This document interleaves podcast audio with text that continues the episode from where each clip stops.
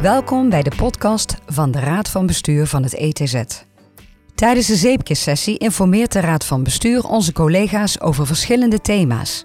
In deze podcast kunnen we uitgebreider stilstaan bij één thema. Een thema uit de portefeuille van het betreffende Raad van Bestuurslid.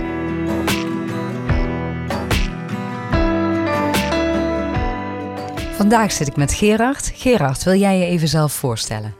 Ja, ik ben Gerard, Gerard van Berlo, lid van de Raad van Bestuur. En werkzaam bij dit ziekenhuis sinds uh, in september 2017. En uh, je hebt ook een aantal portefeuilles. Uh, kun je daar iets meer over vertellen? Welke help jij allemaal? Ja, we hebben, wij zijn met z'n drieën in de Raad van Bestuur. Uh, we hebben eigenlijk de zorgportefeuilles over ons drieën verdeeld. Dus dat betekent dat ik ook een aantal zorgeenheden in mijn portefeuille heb. Maar daarnaast het accent in mijn portefeuille ligt op de bedrijfsvoeringsonderdelen, zoals ICT, uh, zorgverkoop, financiën, facilitair bedrijf. En Helder. vastgoed. Oh ja, tuurlijk. Die moet er ook nog bij. En um, laten we eens wat verder ingaan op uh, de financiën, die portefeuille. Jij noemt vaak bijvoorbeeld bij zeepkissessies dat wij uh, financieel gezond zijn. Wat is dat nou eigenlijk? Ja, dat is uh, op zich niet zo heel erg ingewikkeld om uit te leggen. Financieel gezond betekent eigenlijk dat we tegen een stootje kunnen. Financieel gezien tegen een stootje kunnen. Dus als het eens een keer tegen zit, dat we niet gelijk in de problemen zijn. Dat we tegenvallers dus op kunnen vangen en de tijd hebben om onszelf weer te herstellen en er bovenop te komen.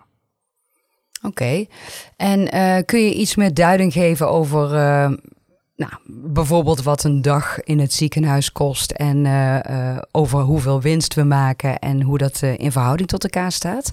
Ja, kijk, wij hebben, we zijn een groot ziekenhuis, 650 miljoen omzet hebben wij. daarmee horen we denk ik wel in de top 15 van de Nederlandse ziekenhuizen, grootste Nederlandse ziekenhuizen. Nou, als je dan even kijkt wat wij per dag, hè, per kalenderdag hier uh, uit, uh, uitgeven, wat er aan geld rondgaat, dat is zo'n zo 1,8 miljoen per dag. Op die, dat is 650 miljoen dus in totaal. Um, winst maken wij ongeveer anderhalf procent, dus dat is zeg maar 10 miljoen. Uh, nou, dat betekent dus dat uh, vijf dagen of ja, een kleine week, zeg maar, uh, moeten wij in een kleine week verdienen we die 10 miljoen, zeg maar, bij wijze van spreken. Nou, dat, dat is best veel wat daarin in omgaat. En eigenlijk ook weer niet als je het terugrekent na een dag.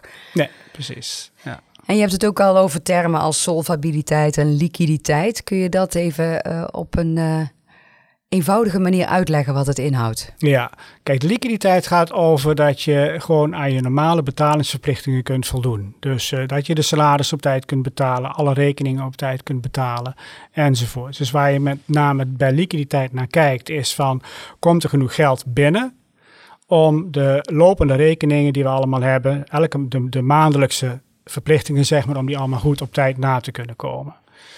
Uh, en dat is bij ons het geval. Wij uh, uh, we krijgen op zich genoeg kaststroom aan de voorkant binnen om zeg maar alle betalingsverplichtingen te kunnen voldoen.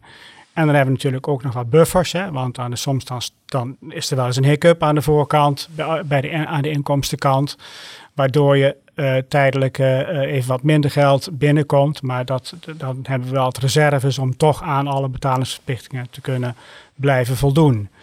Uh, en dat is natuurlijk ook heel belangrijk, hè? want je moet je niet voorstellen dat we uh, tegen de werknemers moeten zeggen uh, van deze maand komt het salaris twee weken later, want het gaat aan de voorkant niet zo goed. Dus mm. het is echt heel belangrijk dat je aan alle betalingsverplichtingen tijdig kunt voldoen. Mm -hmm. um, overigens, mocht het ooit een probleem zijn met betalingsverplichtingen, hè, dan zullen we nooit, dan zullen we niet heel snel, nooit is heel absoluut, aan de uh, salarisenkant natuurlijk gaan, uh, iets gaan doen.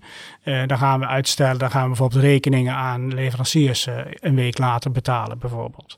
Maar voor het, het, het, beleid is om dat niet te doen en gewoon ervoor te zorgen dat we keurig alles op tijd kunnen betalen.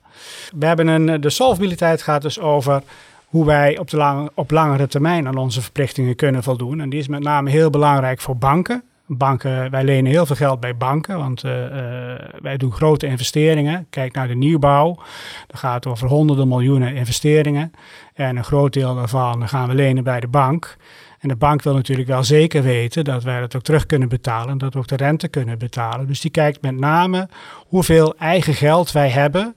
Uh, hoeveel eigen vermogen wij hebben in vergelijking tot wat we geleend hebben. Ze, lenen, zullen nooit 100% van alle investeringen aan ons lenen.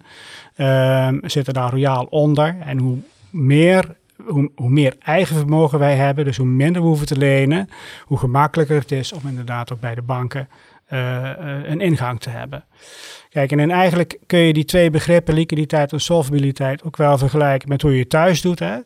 Thuis heb je eigenlijk ook natuurlijk uh, de zorg voor het feit dat je alle rekeningen gewoon op tijd kunt betalen. Dus dat er voldoende salarisinkomsten zijn om alle lopende betalingsverplichtingen na te kunnen komen. Um, en als je naar de solvabiliteit kijkt, als je een eigen huis koopt bijvoorbeeld, hè, dan zal de bank uh, met name kijken natuurlijk naar hoeveel, hoeveel je verdient en of je inderdaad die rente en aflossing wel kunt betalen. Maar wil ook zekerheden hebben dat er, uh, uh, dat er, dat er bijvoorbeeld in de vorm van een hypotheek, dat, je, dat, dat, dat als het toch misgaat, dat zij in ieder geval ergens op terug kunnen vallen. En je ziet ook dat banken uh, niet 100% meer van een hypotheek willen, je, willen financieren, maar dat je ook zullen vragen, ja, je moet wel een bepaald bedrag zelf ook op tafel leggen. En ook dat draagt bij aan de zekerheid die de bank zoekt. Dus daar zie, je, zie je meer de solvabiliteit uh, voor de dag komen. En de liquiditeit gaat dus over het op kunnen gewoon reguliere basis kunnen voldoen aan je betalingsverplichtingen. En beide zijn dus heel erg belangrijk. En als ik jou goed begrijp, dat uh, financieel gezond zijn, dat maakt dat wij bijvoorbeeld ook deze nieuwbouw die eraan zit te komen kunnen doen. En uh, innovaties kunnen blijven uitvoeren en ja. daar ook gefinancierd voor worden.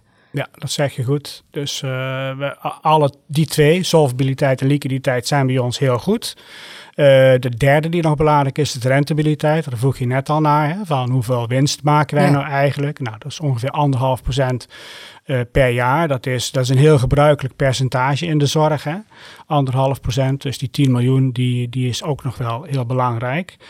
Uh, toch iets over die anderhalf procent, hè? want het is dus inderdaad in vergelijking tot wat we uh, per dag zeg maar uitgeven, niet zo heel erg veel.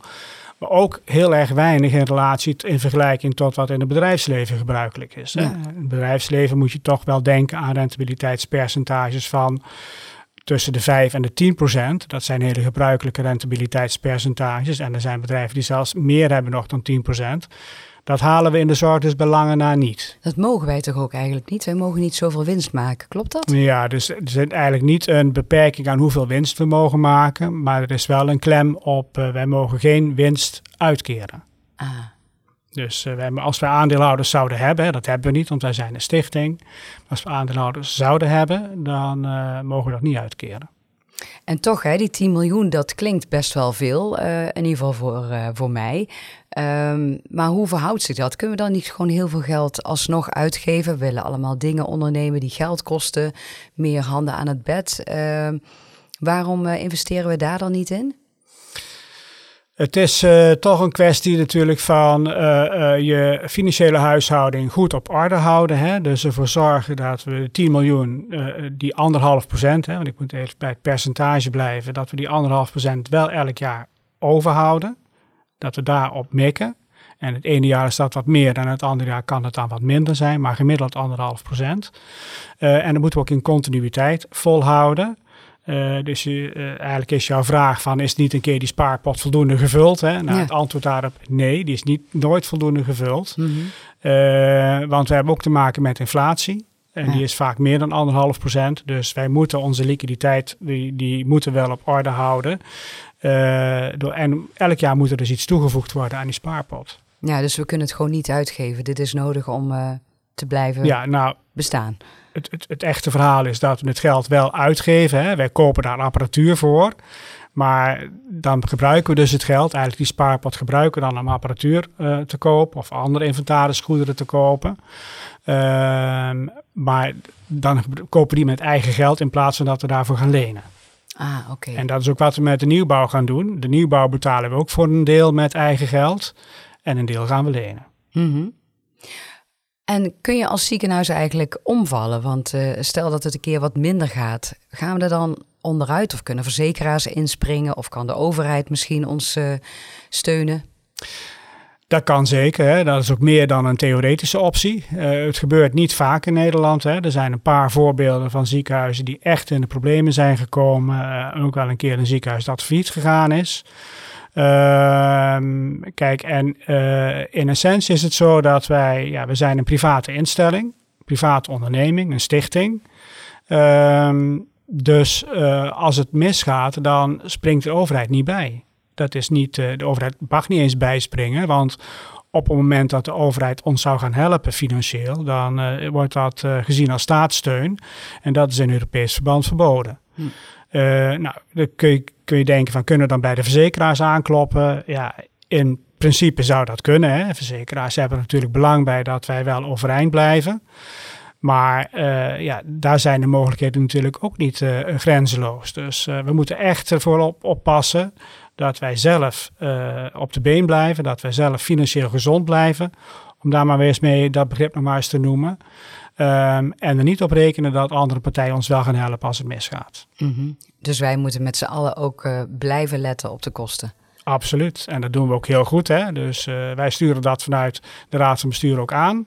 Wij, uh, wij maken de, uh, de, de programma's waarin wij zeggen van nou, dit is wat we om moeten buigen om een financieel gezonde organisatie te blijven. Wij letten natuurlijk heel goed op de uitvoering van de begroting. Hè. Halen wij wel wat we ons voorgenomen hebben? Waar moet bijsturing plaatsvinden? Dus we, we zitten, we spelen heel, dicht, heel goed en dicht aan de bal. Uh, maar dat moet ook om inderdaad uit te kunnen komen wat we bedacht hebben. Oké, okay, helder verhaal. Dankjewel Gerard. Graag gedaan.